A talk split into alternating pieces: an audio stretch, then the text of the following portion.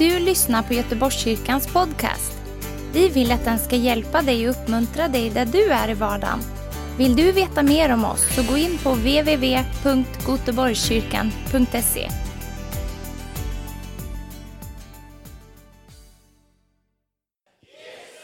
Och alla de här namnen är uppfyllda i Kristus som vi har sagt förut. Herren är min läkare, uppfyllt i Kristus. Man kan bara ropa det. Herren min läkare. Herren min försörjare. Herren min herde. Och så här kan vi hålla på. Så vi fortsätter. Herren är min rättfärdighet. så förstår vi vad det är vi sjunger om. Annars blir det bara sånger och så kommer vi in i en stämning. Du, du, du, du, du, du, du, du, du, du, du. Så går vi in i lagom kristendomen. Det är inte meningen. Herren vill att vi ska ropa ut, att vi ska vara frimodiga, att vi ska vara tacksamma, att vi ska vara glada. Ja, för han är våran glädje. Om det berodde på omständigheterna så hade vi inte kunnat gjort det, men nu beror det på honom. Vem beror det på? Och vad heter han? Ska vi ropa ut hans namn? Nu kan du sätta dig ner. Ja, det var ett bra steg här vi tog. Att få vara med, att få vara delaktig i lovsången och i tacksägelsen. Och jag vill också att du är delaktig i förkunnelsen genom att du också slår upp eh, din, din pappersbibel eller din, eh, scrollar i din mobibel. Apostlagärningarna kapitel 9 och vers 31 har vi kommit till. Och som eh, vi hörde här så ska jag tala om hur Gud påverkar våra sinnen, våra hjärtan, så att vi kan vandra i förutbredda gärningar. Alltså att vi kan vara ledda av Gud och göra en skillnad. Så har du den här längtan så har du kommit rätt. Har du inte den längtan så kan anden ge dig denna längtan. För precis som vi undervisar om här på lägret så är det anden som påverkar våra sinnen så att vi vill vara med och bygga på Herrens hus. Så vill du inte eller känner du inte för det så kan du bara ropa till Gud, ropa till Herren, tänd mitt hjärta så att jag vill bygga på ditt hus, så att min egen agenda får bli diffus, så att jag i den helige andes kraft kan verka. Det här är goda böner som behagar Gud. Och ni får säga amen. Ni vet, ni är inte vana vid att vara i kyrkan. Ni har bara tittat kanske på en mobiltelefon eller padda och sagt varken amen, kanske bara ätit mat och kollat lite på ett möte. Men nu är vi här i Herrens hus. Du som fortfarande är vid din padda, ursäkta mig, men du kan vara med. Du kan vara delaktig. Du kan säga, jag är här för Herren är min närvaro. Jag är här, men Herren är också närvarande där jag är. Där jag är kan jag bygga Herrens hus, för han är närvarande och han uppenbarar sin vilja för oss. Vad är det som händer här? Första kapitlet, första versen, vers 31, kapitel 9, Apostlagärningarna. Församlingen hade nu lugn och ro i hela Judeen, Galileen och Samarien. Så nu ska jag säga sex saker om församlingen, bara i en enda vers. Så har du inte antecknat förut så kan du anteckna nu. Det är bara en enda vers så kan du skriva upp det och ha det sparat i din telefon eller i din anteckningsbok. Därför att församlingen hade lugn och ro, men det var inte lättja eller att man bara var nöjd med att allt var status quo. Men församlingen hade lugn och ro, arbetsro, arbetsro, för det hade varit sån stark förföljelse. Men nu hade förföljaren, ledaren för förföljelsen, Paulus, blivit frälst. Och så blev det lugn och ro. Det är väl fantastiskt att det kan bli ett sånt eh, läge också. Men det var inte för lättja, utan därför att de skulle kunna börja bygga. Eh, förstår det också så här att den fanns i Judeen, alltså området nära eh, eh, Jerusalem, men också i Galileen, ni vet där Jesus eh, växte upp, och i Samarien. Där många så, så kallade halvjudar var väldigt blandade i sin religion på grund av att andra nationer hade intagit eh, landet och skickat folk både till höger och till vänster. Så var församlingen nu utspridd. Ni vet apostlagärningarna säger 1 och 8. Ni ska bli mina vittnen. Ni ska vittna om mig i Judeen, Samarien och ända till jordens yttersta gräns. Så nu har man kommit till Judeen och Samarien, men man har inte kommit till jordens yttersta gräns. Och nu har det gått ganska så många år. En del tror att det kanske har gått till och med ja, åtta år kan någon säga, någon kanske tror att det är tre, fem, man har lite ord. Men det har gått några år här. Och man har inte nått fram till jordens yttersta gräns. Ja, det var en, en, en som hade konverterat till judendomen, en från eh, Eh, Etiopien eller nuvarande Sudan, en eunuck. Han hade liksom fått till sig evangeliet, men han hade konverterat till judendomen. Han var till och med omskuren. Allt liksom, han var redan eh, eh, eh, accepterad av judarna, för han hade blivit liksom en hel konvertit, fullständigt överlåten till judendomen. Men man hade inte nått till de andra hedningarna. Vad är det som ska hända nu? Jo, församlingen byggs upp på det här sättet. Och så står det så här, den blev uppbyggd och levde i Herrens fruktan. Alltså en församling ska bli uppbyggd, grekiska oikodemeos. Då är det strukturen som byggs upp, alltså inte kyrkobyggnadsstrukturen först och främst, utan att det blir styrka och stadga, att man talar tro, man byggs upp genom Guds ord. Det blir struktur i församlingens verksamhet. Och så står det så här, att man levde i Herrens fruktan. Då tänker en del att man gick omkring och var jätterädd för Gud. När man gick omkring och hade jätte respekt och vördnad för Gud. För Gud han är kärleken, men han är också en helig Gud. Han är en ren Gud. Han ser inte mellan fingrarna på synden. Han vill också att hans namn ska vara helgat och avskilt. Att man inte slarvar med hans namn, utan man prisar hans namn, upphöjer hans namn. Församlingen levde med respekt och vördnad för Gud. Någonting för svenska församlingar att tänka på, eller hur? men också för många invandrarförsamlingar som bygger här, som lätt kommer in i det här att man inte längre fruktar Guds helighet och närvaro, utan man kör sitt eget race. Man går sin egna vägar. Men att vara i Herrens fruktan är att bara vilja ge Gud sin egen vilja och följa honom. Och här ska vi se att Petrus inte riktigt var där. Det börjar ju väldigt bra. Vi läser vidare. Församlingen växte till genom den helige Andes tröst och förmaning. Alltså, hur ska församlingen växa, säger många. Jag vet en metod. Jag vet en församling i USA, i Sydkorea, i Kanada, eller varför inte Australien. Jag vet vilka knappar vi ska trycka på. Den helige Ande är den som skapar tillväxt i församlingen, både i mognad och i antal.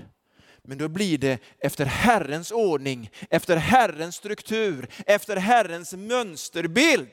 Annars så kan församlingen rasa ihop som ett korthus när det kommer prövningar. Hur många tusen som än är med och besöker en gudstjänst eller tittar in på ett möte på något sätt. Men den församlingen som Herren bygger genom den helige Ande byggs genom att vi fruktar Gud, respekterar honom och att den heliga Ande får inflytande i våra liv.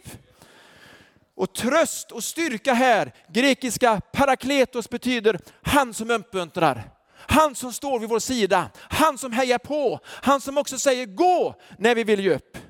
Hur många har någon gång, alltså handen på hjärtat, frestats att ge upp någon gång? Alltså, nu bara i det här. Nu bara, ja det var rätt många. Jag vet att det var allihop egentligen. Men ibland så bara känner man, jag orkar inte, jag, jag, jag ger upp nu. Alltså det vore ju fantastiskt lätt med församlingen och inte våra för alla människor. Om det bara var jag och Gud. Vad underbart det hade varit. Som ett bortskämt barn som bara blir bortskämd hela tiden. All fokus på mig, jag och du. Och så blir det nästan lite grann som en hobby i egenhopsnickrad relation med Gud och man kopplar inte med andra. Församlingen har ett huvud och det är Kristus. Vi följer samma huvud, vi hör ihop, vi behövs alla.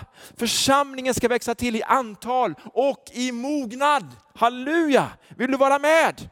Ja, då kan den helige Ande säga till dig, fortsätt, kör på. Och han säger ofta, ge inte upp. Men han säger också, gör om, gör rätt. Nej. Jo, han säger gör om, gör rätt. Men våran stolthet hindrar oss så många gånger. För vi tycker att vi har gjort rätt. Och så går vi till den andliga ledaren som tycker att vi har gjort rätt. Så att vi kan vara kvar i vårt mörker och tycka att vi är rätt bra. i alla fall bättre än andra. Istället för att gå direkt till Guds ord och låta Guds ord styra upp våra liv. Låta den heliga ande styra upp oss. Och den heliga ande kan säga, gör om, gör rätt. Nu ska vi se vad som hände. Vers 32. Petrus reste genom hela området och kom ner till det heliga som bodde i Lydda. Alltså de troende kallas för de heliga. Bara att vi tar bort det visar att vi är rädda för det här med heligheten, med renheten, med att vara avskild för Gud. Men de heliga, det var de troende. De troende är de. Var är de heliga? De är de troende och de är i Kristus. Har inte att göra med hur bra du har lyckats i ditt kristna liv. Det är Guds tanke, Guds avskildhet, Guds kallelse med oss är helighet, avskilda för hans räkning. Halleluja! Hur klarar vi det? Genom den helige Ande. Det är Lydda, Lydda är i nuvarande lodd och Lod är ju det som flygplatsen är, Ben Gurion flygplatsen. Jag tror att många har landat där när man eh, har varit i Israel. Men det är i alla fall den staden som han var. Där träffade han en man vid namn Eneas som var lam och hade legat till sängs i åtta år. Petrus sa till honom, Eneas, Jesus Kristus botar dig, stig upp och gör själv i ordning din bädd. Genast steg han upp och alla som bodde i Lydda och Saron såg honom och de omvände sig till Herren. Alltså, när en person har legat hemma i åtta år, inte kunnat röra sig, får kraft i sin kropp och börjar gå, och han är känd i den staden och människor omvänder sig till Gud och känns det halleluja. Själv kan jag tycka att det är lite svårt det här med helande. Och jag hade ju en kompis som blev eh, helad som hade den här eh, eh, eh, gången och hade enormt svårt med det här. Och föräldrarna, jag tror att en av föräldrarna hade varit med i en församling, den ena föräldern vet jag inte, men jag bara såg ju fram emot att nu ska de börja omvända sig, nu ska de gå med Gud. Visst är det så man tänker? Men riktigt så blev det inte. Utan det var bara, mm, vad konstigt, men, men lite, lite halt är det ju. Men du ser ju liksom hela den här klacken är borta och du ser liksom, ja, ja men eh, det är riktigt bra är det inte. Jag tänk, alltså, då blir jag, lite, jag blir lite besviken, kanske inte på Gud, men att människors hjärtan är så hårda. Men många människor i den här staden, ja alla, omvänder sig till Herren. Behöver vi se sådana här under och tecken? Ja, men människor måste också ödmjuka sig och komma till tro. Hur gick det då med de här föräldrarna?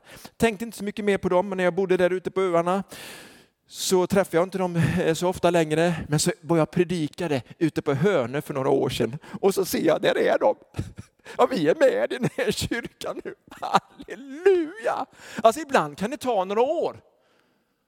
Vi tänker ju, i Bibeln hände allting inom en tionde sekund. Hallå, det är rätt många år det här som det här hände, det som står i Apostlagärningarna. Det var liksom inte en vecka. En vecka i församlingshistoria, vi skriver ner här eh, några kapitel. Det var många, många år. Woo! När Petrus får tro i den helige ande så går han inte fram till Eneas och säger nu ska jag be till Gud för dig. Eh, ja, gode Gud, om det är din vilja och emellertid är med och du har en bra dag så kanske du skulle kunna tänka dig att röra vid den här, när han bara har tro redan och säger Jesus Kristus botar dig. Det är rätt bra va? Men sen så säger han också till honom så här, eh, gå upp och gör själv i ordning din bädd. Då tänker jag, det måste vara en tonåring, han har inte bäddat på åtta år. Men ni, jag vet, ni förstår vad jag menar, ni som, ni som har... Eh, det, alltså det kan ju vara ett under bara det. En dag så går, bäddar de sin egen bädd. Men det finns också människor idag, börjar väl i Japan det här fenomenet, i alla fall som man beskrev det, att man bara stannar hemma. Man jobbar inte, man läser inte, man bara bor kvar hemma och gör ingenting mer än kanske spela tv-spel och är deprimerad och känner sig misslyckade för man lyckades inte leva upp till kraven. Och många gånger är det den förstfödde sonen i de här familjerna. Men vi har också det här fenomenet, det här tillståndet i många hem i Sverige med människor som har blivit som förlamade. Man kommer ingen vart. Man kanske inte ens bäddar sin säng. Men det finns också många som har varit sjuka i många år som ska bli helade. Därför att Jesus Kristus botar dig. Jag säger till dig, Jesus Kristus botar dig. Men du själv ska ta dig upp och bädda din säng Alltså, tänk om man inte bäddar sängen, då är man beredd att gå tillbaka igen, eller hur? Är inte det ett tecken? Hallå? Om jag bäddar min säng, då avslutar jag i min sömn. Om jag inte bäddar min säng så jag kan jag krypa ner igen. Om det var tråkigt att vara uppe. Så bara går, alltså det är det som alltså du måste förstå tanken. När jag tror att jag är helad, då bäddar jag min säng. Alltså då gör jag mig i ordning för att jag ska leva som helad. Woo! Säg halleluja, du som också är med via Facebook. Jag tänkte, kan inte säga det, är någon annan som lyssnar på mig. Kanske just därför du ska prisa Herren och vara delaktig i det som Gud gör. Alla omvände sig, eller alla som bodde där, Lydda och Saron, såg Eneas och omvände sig till Herren. Gud, ske sådana under i vår tid. Så fortsätter det i Joppe, en annan stad, det är ett sånt härligt namn. Vad bor det i Joppe? det bara känner du positivt, här kan Gud göra allting. Japp! Joppe!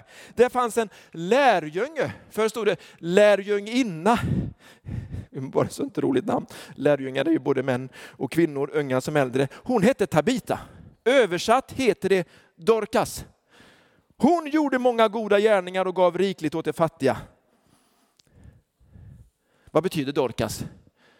Var det någon som han läsa? Det betyder gasellen, hinden. Alltså det är ett, ett djur som är väldigt vikt, väldigt graciöst och med väldigt vackra ögon. Men under de dagarna blev hon sjuk och dog. Alltså denna kvinna som hade gjort så mycket gott för de fattiga, hon dog. Man tvättade henne och la henne på övervåningen.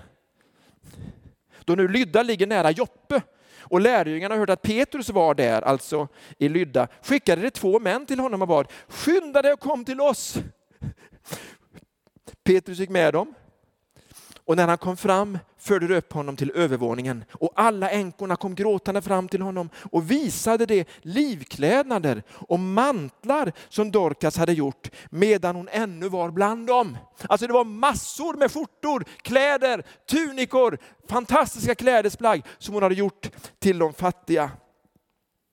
Men Petrus skickade ut dem alla och föll på knä och bad. Jag tänker, Ja, men nu ber ju Petrus. Ja, nu tror jag Petrus söker Guds vilja. Jag tror att Petrus undrar, vad ska jag säga? Här ligger en död kvinna. Ska jag liksom ta det här steget i tro? Vad är det som händer? Hon var ju en lärjunge. Hon är ju hemma hos dig Jesus. Förstår du hur han kan ha tänkt? Men det är precis som att hon ska komma tillbaka. Och han liksom ber, står det. Sedan vände han sig mot den döda och sa, Tabita, stå upp! Då öppnar hon ögonen. Det är fantastiskt. Författa den glädjen. Alltså inte bara den familjen, utan tusentals människor när hon kommer tillbaka. Och när hon fick se Petrus så satte hon sig upp. Kanske har du hört talas om den här Petrus, kanske har du hört talas om ledaren för församlingen. Jag vet inte, men det är någon, hon ser den här Petrus och tänker, oh, hon har ju varit hos Herren, hon var ju död. Nu kommer hon tillbaka. Jag tror att hon, det måste ha varit någon slags offer också, ni förstår säkert hur jag, jag, hur jag tänker. Han räcker henne handen och hjälper henne upp och kallar därefter till sig de heliga och änkorna, ställde henne där och lät dem se att hon levde. Detta blev känt i hela Joppe och många kom till tro på Herren. Det är väl en fantastisk story, tycker du inte det? Alltså det här är apostlagärningarna. Det här är vad Gud gör genom troende människor, i troende människor. Det är helande, men det är också uppväckande ifrån de döda. Det är tydliga vittnesbörd. Titta, hon lever. Ta på henne, känn på henne. Och så tror jag att hon fortsätter att göra många fina skjortor. Hon bara fortsätter att göra gott. Och varenda gång någon fick en skjorta så visste man, det var ju hon som dog. Men hon uppstod ifrån de döda. Jag vill tro på den och så tar man på sig den skjortan. Liksom en som hade uppstått ifrån de döda och liksom gjort den där skjortan. Alltså, förstår ni vilket vittnesbörd det var? Titta där går hon! Ja, vems skjorta är det? Det är Dorcas. Ni vet hon, ja vi vet. Vi vet, jag tror också på hennes Gud. Halleluja! Detta blev känt i hela Joppe. Många kom till tro på Herren. Och vad gör Petrus då? Vers 43. Därefter stannade han en längre tid i Joppe hos en viss Simon som var garvare. Eftersom Joppe var en hamnstad så kan man ju tro att han älskade kusten. Och jag är här nu vid kusten och tar det lugnt och haft en skön tid här nu. Men han flyttade in hos en garvare och garvaren han eh, behandlade och bearbetade skinn och läder och gjorde saker utav det och ansågs som, ansågs som oren av judarna eftersom han kom i kontakt med döda djur. Men Petrus, han är ändå där. Så det är precis som att Gud har börjat verka i hans hjärta. Att han ändå kanske ska försöka närma sig dem som betraktas som orena. Men jag måste liksom, ja men, ja, men, jag försöker. men han var ju ändå jude den här Simon, så det, det gick nog bra. Och så står det i kapitel 10. Nu händer någonting annat i en annan stad, långt borta därifrån, i Caesarea. En slags huvudstad för, för romarna. Där bodde en man som hette Cornelius. Och Cornelius var en officer vid den italiska vaktavdelningen. En centurion stod det för, alltså en ledare för hundra personer, 80 soldater, 20 eh, stycken som eh, hjälpte soldaterna och betjänade, men från, eh, från cente, eh, italienska som betyder hundra. Visst är det rätt? Ja. Hundra. Det är väl bra. Hundra man har han under sig i alla fall. Han var from och fruktade Gud liksom alla i hans hus. Alltså vilket härligt gäng. Och han gav frikostigt med gåvor till folket och bad alltid till Gud. Det står i en översättning, han var i engelska devout, alltså han var en som tillbringade tid och tillbad Gud. Han var from. Han sökte Gud. Men det står inte att han var frälst. Det står inte att han trodde på Jesus. Men han trodde på Israels Gud. Han var inte konvertit, alltså han var inte omskuren. Han hade inte, blivit he, han hade inte helt anammat den judiska tron. Men han gav gåvor till folket rikligt. Alltså han var jättegenerös. Och så bad han alltid till Gud. Tänk er, har en frälst människa som alltid ber till Gud och som bara ger till Guds verk. Wow, säger jag bara. Gud såg till hans hjärta. Precis som Gud ser till människor idag som söker honom, som gör gott. Men de blir inte frälsta bara för att man söker Gud och för att man gör gott. Eller för att man ber till Gud. Eller för att man kallas för from eller gudfruktig. Men han sökte Israels Gud. Men han var inte född på nytt. Är du med mig nu? Det är viktigt att förstå. En dag omkring nionde timmen, alltså klockan tre på eftermiddagen, såg han tydligt i en syn hur en Guds ängel kom in till honom och sa Cornelius. Och han stirrade förskräckt på ängeln och frågade, vad är det Herre? Ängeln sa, dina böner och dina gåvor har stigit upp till Gud. Som ett offer han kommer ihåg. Wow! Förstår ni att människor idag som gör det här, att det, Gud ser det. Vi kanske föraktar det. Det leder ingen vart. Gud ser det. Gud har en frälsningsplan för alla människor. Men han vill sända någon till dem. Och det får ju vara någon annan än du och jag, eller hur? För vi är ju helt ockuperade med allt som vi borde göra och inte skulle gjort och allt. Nej, vi han kallar dig. Är du beredd att gå? Sätter ni kyrkkaffet i halsen nu eller? Är ni, är ni beredda att gå? Jag säger, jag är beredd att gå. Är det någon mer än jag? Ja, för annars kan ni bara checka ut du. För den här predikan handlar om den som är villig att gå. Och det är det här som är liksom det fina, att när vi inte är villiga att gå, säg helig ande, jag vill bli villig. Jag är så distraherad och ockuperad och jag har så mycket tankebyggnader och förutfattade meningar så jag blir hindrad. Petrus var ledaren för församlingen och han hade inte börjat gå till hedningarna än. Så då kan ju du och jag också kanske ha någonting som hindrar oss. Talar jag till rätt församling här? Jag tror att Gud har någonting att säga idag till jättemånga här, inklusive mig. Att det finns tankebyggnader. Att det finns sånt som hindrar oss från att helt komma in i det som Gud har kallat oss till. För vi är så nöjda kanske med 30 procent när Gud säger 100. Vi kanske är nöjda med 0,00000 som inte ens är en promille. För att det är ju ändå någonting. Jag går ju ändå till kyrkan eller tittar ändå in på ett möte då och då och hoppas att någon såg att jag var där. Eller jag vill bara vara bära frukt 100% för Gud. Vad vill du? Jag vill se genombrott. Jag vill att Gud leder mig, att Gud talar till mig. Men jag kan inte göra det i egen kraft. Men helig ande kan komma till mig, tala till mig genom sitt ord, genom sin ande. Här talar han till Cornelius genom en ängel som han ser i en syn. Wow! Fantastiskt är det. Och så säger ängeln till honom, sänd nu några män till Joppe och skicka efter en viss Simon som kallas Petrus. Han bor som gäst hos garvaren Simon som har ett hus vid havet.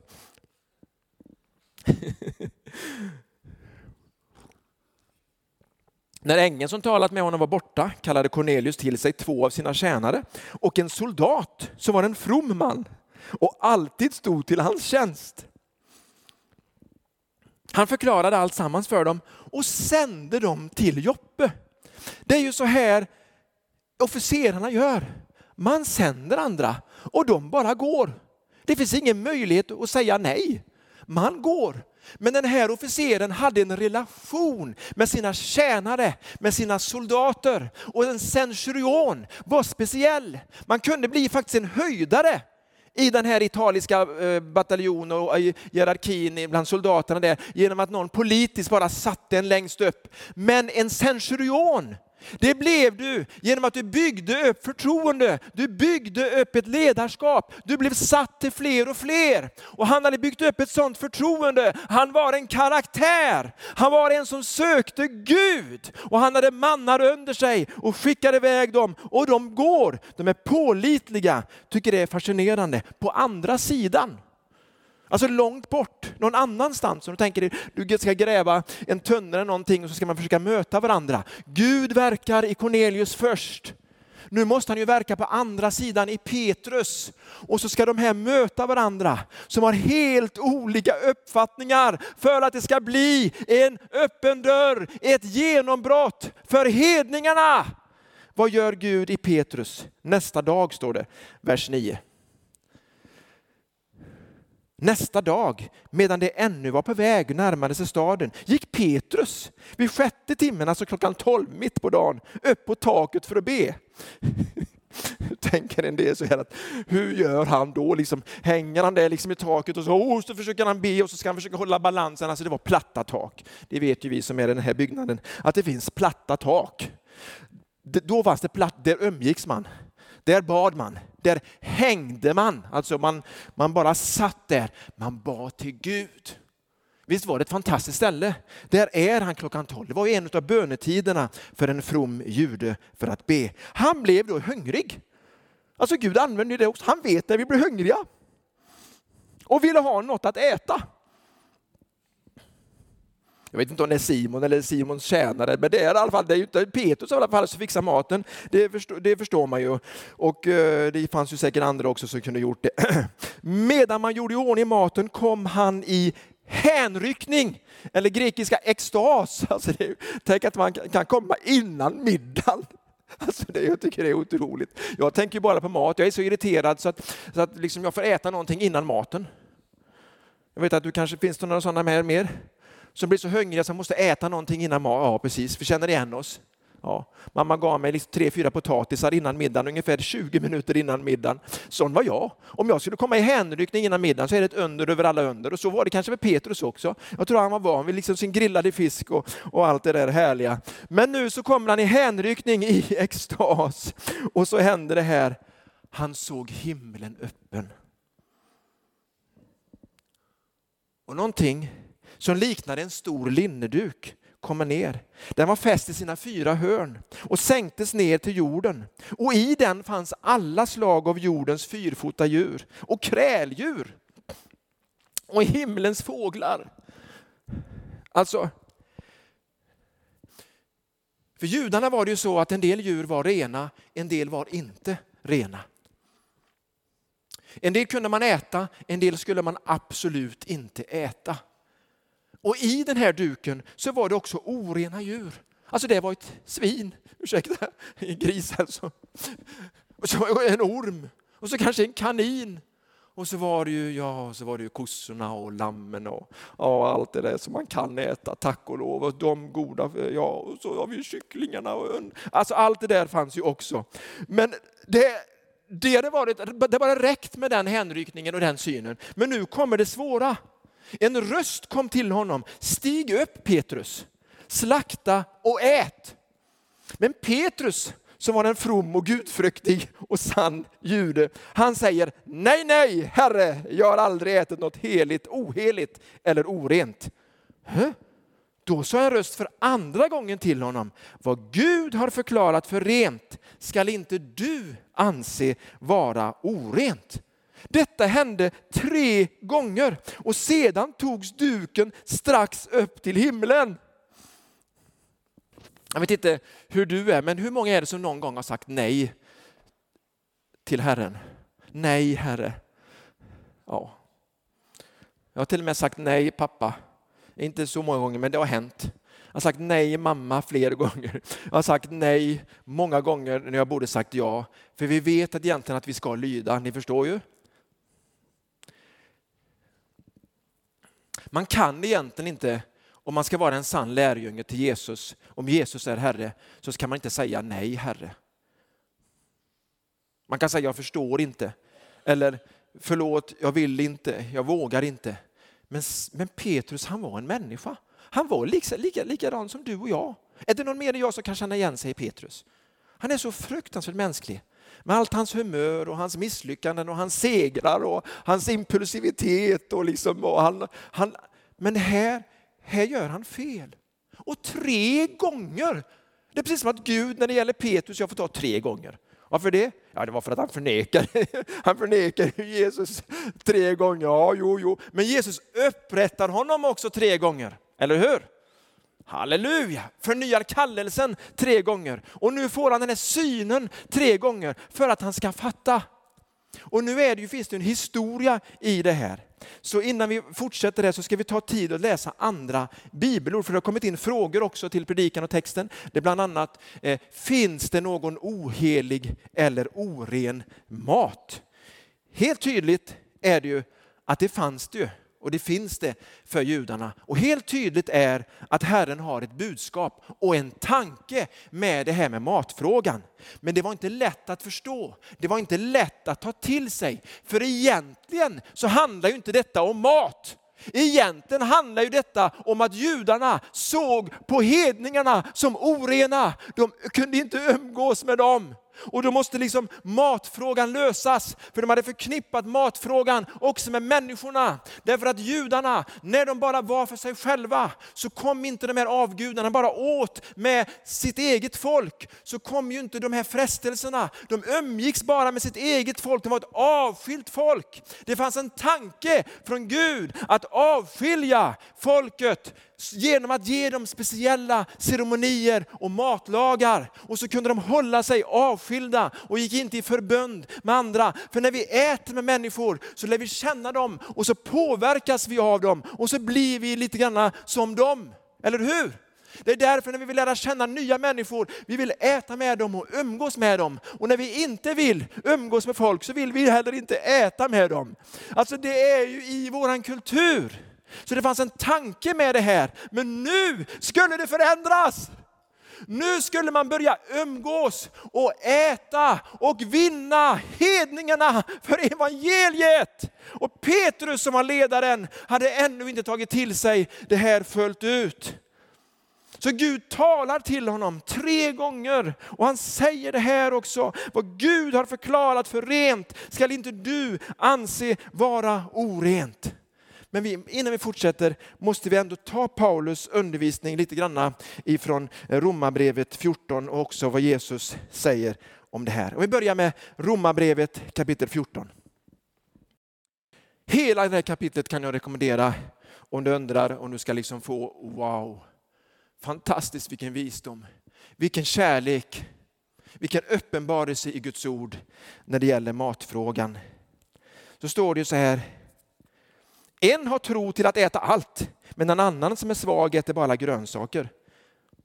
Den som äter skall inte förakta den som inte äter. Och den som inte äter skall inte döma den som äter.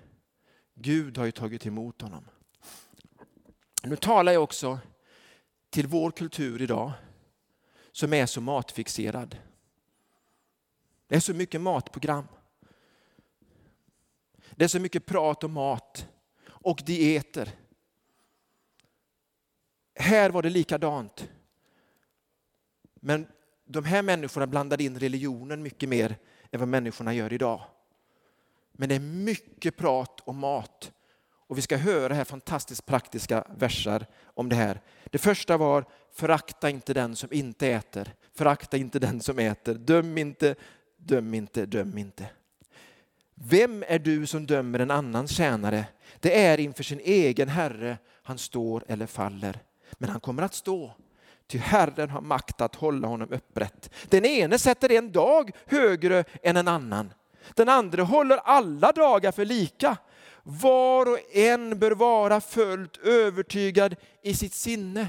Här handlar det om dagarna, högtiderna, om att fira olika dagar på olika sätt. Var och en bör vara fullt övertygad i sitt sinne. Den som lägger vikt vid en viss dag gör det för Herren och den som äter gör det för Herren. Han tackar ju Gud. Den som låter bli att äta gör det för Herren och även han tackar Gud. För målet är tacksägelse till Gud. Och absolut inte att vi ska döma varandra, förakta varandra, trycka ner varandra för att vi äter olika, firar olika dagar, tänker olika och så vidare. Jag tycker det är frihet i det här och ömsesidig respekt. Woo! Och så står det också sen, eh, jag hoppar till vers 13 eh, och 14. Följs det med här? Fantastiskt. Tack. Låt oss därför inte längre döma varandra. Kommer det igen? Kommer ofta i Bibeln. Besluta er, besluta er istället för att inte lägga något hinder i vägen för en broder så att han snubblar och faller. Alltså bli ingen stötesten med dina matvanor för någon annan. Stöt inte bort människor. Jag vet och är i Herren Jesus övertygad om att ingenting är orent i sig självt. Hörde du? Men för den som betraktar något som orent, för honom är det orent. Alltså då, har man ju ett samvete och då får man inte trampa på någon annans samvete. Den får ju ha det samvetet inför Herren. Förstår ni vad jag menar? Det är så mycket kärlek i det här och så mycket visdom i det här. Men vi kan också klanta till det och liksom missa människor, inte få möta människor, inte kunna umgås med människor, inte nå människor. Därför att vi är så fokuserade på matfrågor. Så står det sen vers 17. Ty Guds rike består inte i mat och dryck. I det sammanhanget Därför det handlar inte om mat och dryck först och främst. Det handlar om rättfärdighet och det handlar om frid och glädje i den helige ande. Alltså då vi måste få ett nytt fokus. Jag vet inte hur många program som du ser som handlar om den helige Ande. Men TV Vision Sverige sänder rätt många. Kanal 10 också. Men jag vet att du hellre sitter vid, vid mat, matfrågorna och, och dieterna och håller på med, med det här. Men ge det också en chans med den helige Ande. Och ge dig till den helige Ande också när det gäller matfrågor och dieter. Så står det sen så här. Den som tjänar Kristus på det sättet behagar Gud och håller provet inför människor. Hörde du vad jag sa? Man behåller provet inför människor. Alltså människor ser ju hur det är med våran tro och med våran gudsfruktan och det är ceremonier och lagar och tankebyggnader och religion och kultur. Eller om det är att vi älskar Herren Jesus och betjänar människor i full kraft. Halleluja! Woo! Sorry, Låt oss därför sträva efter det som tjänar friden.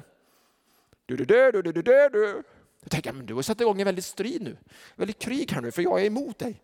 Ja, men den helige Ande kommer ge dig ett ljus och en sådan frid. Och så kommer det här. Vad säger den här versen då? Håll i hatten eller kepsen eller skjortärmen eller vad du nu har på dig. Riv inte ner Guds verk för matens skull. Jag tycker det var värt ett amen. Riv inte ner Guds verk för matens skull. För helig ande är viktigare. Helig Gud är viktigare. Tacksägelse till Gud är viktigare. Ja, men jag har ju frihet att göra vad jag vill. Ja, men kärleken till Gud måste ju vara större än din personliga frihet, eller hur? Yes, därför så avstår jag från mat eller dryck om det får min broder eller syster att bli ledsen eller tappa matlusten eller inte vilja äta. Det tycker jag är bra. Därför kan jag säga, ja men det där har vi inte hemma, det där tillagar inte jag till dig. Därför respekterar jag dig när du önskar den dieten för du är där just nu. Och då vill jag umgås med dig. Jag säger, alltså det bygger ju inte Alltså jag, måste ju, jag har ju barn som, som har haft en speciell diet hela livet. Det var jättesvårt när man inte kunde respektera, ja men det var ju bara lite gluten i det. Ja men var med den, det barnet som mår dåligt i tre dagar då? Själv? Eller var den personen själv som mår dåligt i tre dagar därför att du tyckte att du orkade inte anstränga dig? Eller hur? Men tänk inte att du ska göra det för religionens skull eller för att du ska komma bättre inför Gud. Utan tänk på att göra det för att du älskar Gud och för att du vill umgås med människor och vinna deras hjärtan. Och att det inte blir hinder och stenar och krångligheter. Så att vi kan vara med på middagar, vi kan vara med och fika utan att döma ut de andra. Jag löser ju det själv genom att jag tar med mina måltidsbarer. Det är lite mer bekvämt sen, men jag tycker inte om, jag äter inte din paj. Nej, men om någon har gjort en jättegod paj och berättat att de har stått i flera timmar, då kan jag äta lite paj. Men jag mår ju illa. Men jag kan äta lite paj. Men jag kan också säga, jag kan ta lite. Halleluja! Nu har jag till och med jag kunde inte äta glass ett tag, nu kan jag äta glass. Jag är glad för det. Det är många som bjuder på en glass. Ska vi ta en glass? Ni vet att när jag bara känner så här, jag måste respektera andra människor som kommer från en annan kultur. Och om de inte vill äta den sortens mat, då respekterar jag det. Och då vill jag äta kyckling med den som vill äta kyckling. Det går också bra med kycklingkorv med mycket ketchup och mycket senap. Ni förstår vad jag menar. Det går jättebra. Men vi bondar ju bättre då om jag visar respekt. Pratar jag med någon som förstår? Är det bra det här? Alltså det här är frihet och det är visdom, men det är kärlek. Men sluta, förlåt oss Gud för att vi dömer varandra och river ner Guds verk för att vår mat blir så mycket viktigare. Jag bara upplever helig ande, hjälp oss. Helig ande. Helig ande, du är rättfärdighet, du är frid, du är glädje. Och vi ber om visdom i denna fråga. Och vi ber om att vi ska kunna äta med människor mycket, mycket mer. Att vi ska kunna umgås med människor mycket, mycket mer. Jesus, han säger ju själv i Markus 7, och jag ska läsa det också. Eh, ska vi se, Markus 7, 18. Han svarade dem, är ni också oförståndiga? Inser ni inte att det som utifrån går in i människan inte kan göra henne oren? Eftersom det inte går in i hennes hjärta utan ner i magen och ut på avträdet. Det är ett underbart ord för toalett. Därmed förklarade han all mat för ren. Och han tillade, det som går ut ur människan, det gör henne oren. Ty inifrån, från människans hjärta, utgår onda tankar, otukt, alltså sexuell orenhet, stöld, mord, äktenskapsbrott, girighet, ondska, svek, lösaktighet, avund, hädelse, högmod och dårskap. Allt detta onda kommer inifrån och gör människan oren. Alltså inte det du stoppar i munnen utav mat och dryck, utan det som finns i ditt hjärtas tankar och det som du talar ut. Gör dig oren. Det är därför vi har fått en frälsare och hans namn är Jesus Kristus och han är vår rättfärdighet, inte matlagarna. Halleluja! Det är Jesus Kristus som är min rättfärdighet. Det är hans ande som förvandlar mitt hjärta så det kommer ut goda tankar och goda ord. Hjälp oss Gud. Amen. Tju! Ursäkta att vi håller på eh, lite längre idag, men det är planerat så. Kapitel 10, tillbaka igen. Vad är det nu som händer? Vers 17, jag har ju några versar eh, eh, kvar. Medan Petrus ännu undrade över vad synen kunde betyda. Så då stod männen som Cornelius hade sänt vid porten. De hade frågat sig fram till Simons hus. Och nu ropade de och frågade om Simon som kallades Petrus bodde där som gäst. Petrus tänkte ännu på synen när anden sa till honom, se tre män söker dig. Gå ner och följ med dem utan att tveka, för det är jag som har sänt dem. Petrus gick ner till männen och sa, jag är den ni söker. Varför har ni kommit hit? Det svarade, officeren Cornelius är en rättfärdig man som fruktar Gud och hela det judiska folket talar väl om honom. Wow. Av en helig ängel har han fått en uppenbarelse att han ska kalla på dig och höra vad du har att säga. Då bad Petrus dem stiga in och de blev hans gäster. Alltså han börjar redan tillämpa det som Gud ville åt. Du ska inte betrakta någon människa som oren. Du ska inte betrakta icke-judar som orena. Och han släpper in dem i huset. Woo! Uh! Men Gud fick göra ett riktigt verk i hans hjärta.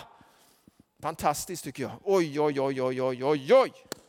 Halleluja, fortsätter ju sen nästa söndag om det fantastiska mötet när han kommer till Cornelius hus och när Cornelius har samlat vänner och, och bekanta och, och tjänare och familjen och de bara är där, ett jättegäng i huset. Därför, varför det? Därför att ängeln kunde inte tala evangelium det kanske han kunde, men han kunde, det var inte det som Gud hade kallat honom till. Utan Gud kallar människor, han kallar dig och mig att tala evangeliet. Därför så sänder han dig till en specifik person, där du har en ingång i deras hjärtan. Petrus hade en speciell ingång, han hade blivit förberedd. Du har ingång till människors hjärtan som inte jag har. Eller hur? Du skulle tycka att det var väldigt olustigt om jag kommer till din arbetsplats, din skola, och så bara tar jag över dina, dina kontakter och dina relationer eller rätt in och så bara börjar jag, precis som att de inte vet någonting. De känner ju inte mig. Men de känner dig. Och de kanske gillar dig. Har du klantat till det i din relation så kanske du kan säga förlåt, jag har varit lite fyrkantig. Jag har varit lite religiös här, men jag ska ändra på mig. Jag ska bara säga att vi är likadana, du och jag. Men eh, vi är ju människor av kött och blod. Men jag har upplevt Gud. Och Gud har sagt till mig att jag ska berätta för dig om frälsningens väg eller om Jesus Kristus. Vill du lyssna? Den här veckan har jag fått dela tala till människor som bara kommit sådär av en händelse men det har varit så förberett. Den här veckan har också min kusin dött, en, en fantastiskt fin kusin uppe i Stockholm som jag verkligen tyckte mycket om. Jättesmärtsamt. Men att bara få skicka det där sista och se att det kommer fram på Messenger och att kvinnogruppen som var med och bad, bad så tydligt att hon skulle liksom orka läsa det där sista som jag skrev och se det där lilla beviset på att någon har sett ditt meddelande. Det var starkt. Jag har varit med om många gånger när jag bara känt så här, Gud led mig nu fram till människor och så tänker jag, så har jag. Och så hade jag liksom den här, tänk om man bara kunde få ge den här boken. Och så hör jag liksom en bil utanför dörren. Du, du, du, du. Ja, men det är min arbetskompis. Det är många år sedan. Och jag hade slutat eh, på det jobbet någon månad innan. Och så ser jag att arbetskompisen, han är renhållningsarbetare, han lämnar eh, sin eh, lastbil. Och då springer jag ner i lastbilen. Och så lägger jag liksom den här boken precis där han ska börja köra sen. Så ställer jag mig på balkongen och bara väntar. Ja, det är ju så underbart. Det är så spännande. Och så hör jag bara ropa, ropar han. Tänkte, blir han rädd för boken? Det här liksom var effektfullt. Så han, jag ser från, från balkongen hur han går ut med boken. Och då står jag ju långt där uppe. Och så säger jag ju, Thomas! Åh, oh! han blev så rädd!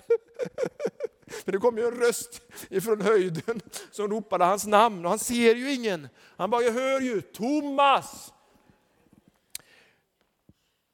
Gillade verkligen den här Thomas. Han var så intresserad och han satt där och lyssnade efter arbetstid, men han blev inte frälst.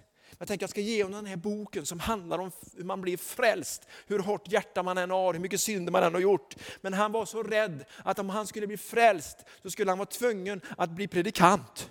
Och det lät ju som något fruktansvärt straff, så han vågade inte bli frälst. Det är faktiskt sant. Man har hört många berättelser. Men ni förstår. Men nu då går jag ner till honom och säger han, ja men Christian det är fantastiskt eh, att jag har fått den här boken. Igår, alltså ni förstår det här, igår gick tvn sönder. Det är ungefär som att igår så slutade internet att fungera. Tänk att det kan finnas en sån dag. Har ni tänkt på det? Igår Då säger han, och jag och min fru började läsa böcker, men jag hade ju ingen bok, men nu har jag en bok. Halleluja! Alltså det var ju underbart om det bara hade slutat där och man var wow. Men sen efter många år när jag besöker den kyrkan eh, eh, ute på Hönö, Missionskyrkan som jag aldrig hade gått till förut i en gudstjänst, bara på kvällar. Och bara, jag ska gå dit. Och så ser jag att han sitter där. Och så ser jag bredvid honom, hans före detta sambo satt där också och säger, Thomas är du här? Ja, då har han blivit frälst. Halleluja! Sen blev han också ordförande i församlingen där. Jag är väldigt glad att Gud gör någonting i människors hjärtan. Men han förbereder mig, han förbereder dig, han förbereder någon annan. Vill du gå? Vill du lyda? Anden säger gå. Om du inte går så blir det hårt i ditt hjärta och du blir oftast dömande och religiös. Men om du går så blir du god och glad. Om du inte går så blir det ofta så att du blir kritisk och tycker alla andra skulle gå och det skulle vara mycket bättre. Men om du går själv så blir det genombrott när du går fram. Kom an lovsångare. Det blir genombrott när du går fram. Men du har det här, du har de här nycklarna i din hand. Och de här nycklarna passar precis in i en annan nyckelpersons liv. Vill du gå in i det som Gud har berett, då kan du bara säga heligande, led mig. Välkomna, ska vi klappa om ungdomarna här och barnen. Det är fantastiskt. Tonåringar är det ju också. Bättre kan vi, de är värda all uppmärksamhet och glädje. Woo! Så härligt. Amen. Jag fortsätter nästa söndag.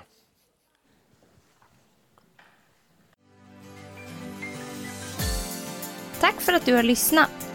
Dela gärna podden med dina vänner och glöm inte prenumerera. Om du har frågor eller vill att vi ska be för något så mejla oss på info På söndagar har vi veckans höjdpunkt. Då firar vi gudstjänst tillsammans och det vore så kul att träffa dig där. Men vi har även samlingar för barn då? Gå in på vår hemsida goteborgskyrkan.se så får du veta mer. Välkommen till oss!